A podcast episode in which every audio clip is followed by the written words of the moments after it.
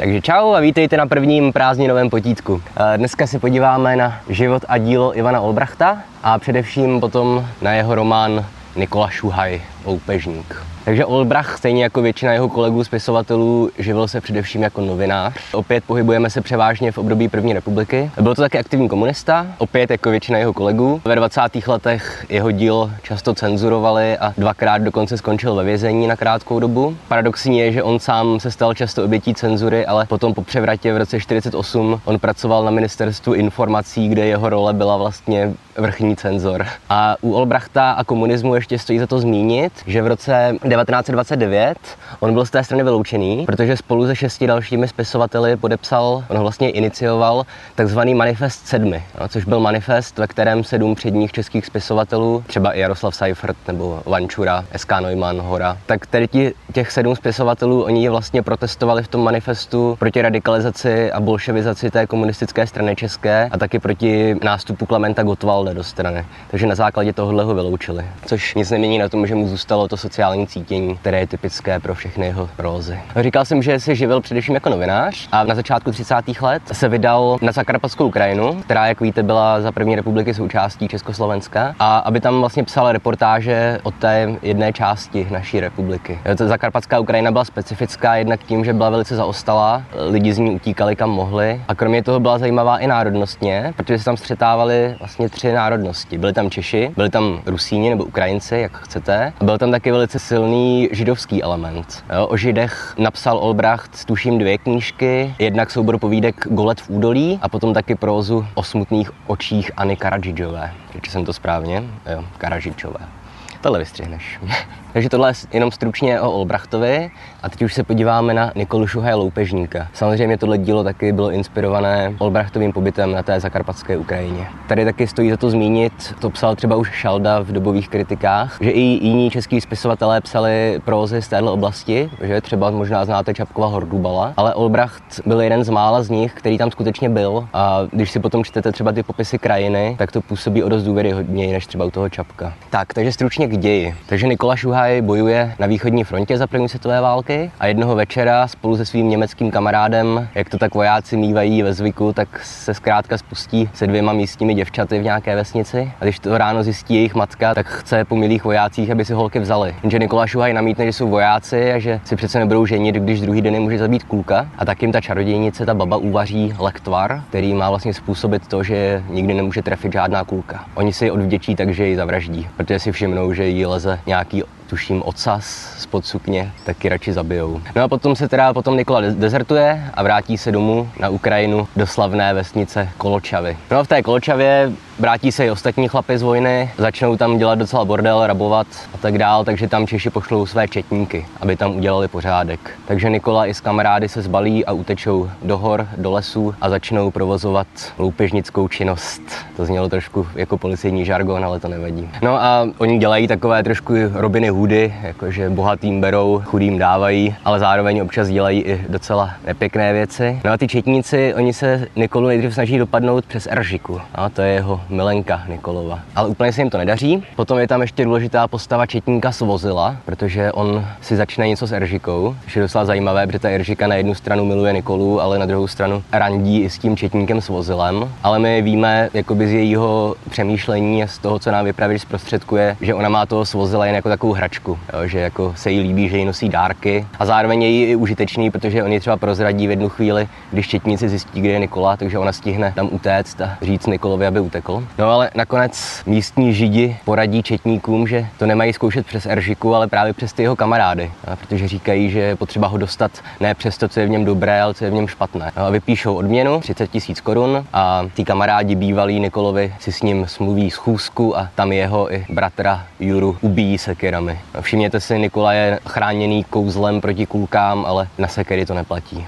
Takže tolik stručně k ději. A teďka teda něco k okolnostem vzniku toho díla a opět řeknu i něco o tom skutečném příběhu, protože to je tady v tomhle případě velice zajímavé. Mimochodem Olbracht, nebo teda vypravěč Olbrachtův v úvodu té knížky tvrdí, že ten příběh zaslechl někde u ohně v nějaké horské salaši. Ve skutečnosti ale víme, že mu to vyzradil jeden užgorodský advokát, který byl seznámený s okolnostmi toho případu, Nikoli Šuhaje. Jo, ten případ se skutečně stal. Nikola zemřel v roce 1921, dokonce o tom psali i české noviny. E, zajímavé je, je, že on to nebyl žádný Robin Hood nebo Willem Tell, ale byl to docela prostý bandita a vrah. Samozřejmě to Olbrachtovo podání je hodně zromantizované. Nemluvím samozřejmě o těch pohádkových elementech, ale o tom, že třeba ve skutečném životě Nikola Šuhaj používal i ruční granáty nebo samopaly. V té knížce mají akorát sekiry a pušky. Jenom pro zajímavost, samozřejmě vesnice Koločava taky existuje. Eržika zemřela až v roce 1988 a prý trávila velkou část života tím, že turistům z Čech vyprávěla svůj příběh. A dcera Nikoli Šuhaje a Eržiky ta zemřela teprve nedávno, asi před 8 nebo před 10 lety, takže jí muselo být asi 90 let skoro.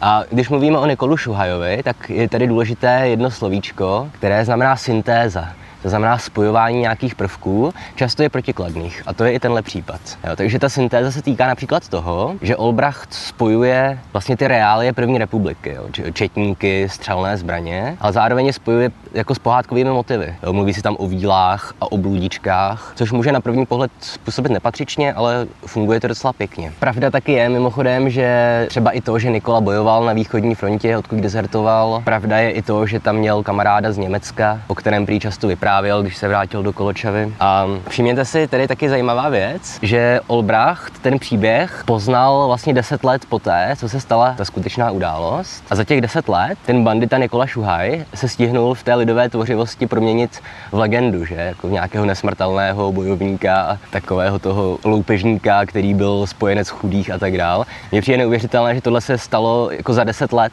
Obvykle lidová tvořivost potřebuje staletí na to, aby z některé postavy udělala legendu, ale u Nikoly stačil takhle krátký čas. Ostatně ta lidová tvořivost, ty lidové pověsti o Nikolovi byly místy o dost divočejší než to Olbrachtovo zpracování, protože podle těch legend zakarpatských Nikola nebyl nesmrtelný nebo nezranitelný kulkou proto, že by dostal lektvar od čarodějnice, ale proto, že údajně, když nějaká žena zemřela při porodu, tak on vytrhl srdce jí i tomu dítěti a smíchal ho s kořálkou a s medem a vypil to a díky tomu byl nesmrtelný.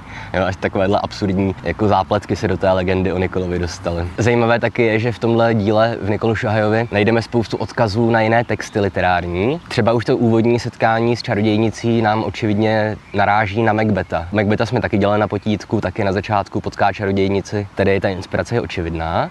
A zároveň taky v Nikolovi je spousta biblických odkazů. Jo, opět, sice ve druhé polovině 20. století komunisti potírali katolickou církev, ale moc se neví, že za první republiky komunisti a katolíci byli vlastně docela blízký spojenci. Obě tyhle skupiny skupiny měly jako velké sociální cítění a, a podobné věci. Jo. Třeba, já nevím, básník Jan Zahradníček, katolík, byl nejlepší přítel Halase, komunisty jo, a podobné věci. A takže je tam i hodně odkazů na Bibli. Všimněte si třeba těch 30 tisíc korun, což je ta odměna, kterou Židi vypíší na Nikolu, tak to evidentně je odkaz na těch 30 stříbrných, za které zradil Jidáš Krista. Stejně tak je tam třeba vložený příběh o zbojníku Dovbušovi, jestli to čtu správně. A toho, tohohle zbojníka vlastně zradí jeho manželka, která prozradí vojákům právě recept na to, jako zabít, že musí použít stříbrnou kulku. Což opět je zcela očividně odkaz na příběh Samsona a Dale Lely ze starého zákona. Ostatně ta stříbrná kulka nám taky může evokovat různé pověsti o upírech, ale nevím, jestli teďka už to nenadinterpretovávám, protože si nejsem jistý, jestli Olbracht znal upíry, protože ty se dostaly do literatury až vlastně v 19. století, především díky Bramu Stokerovi, ale to už je jiná kapitola.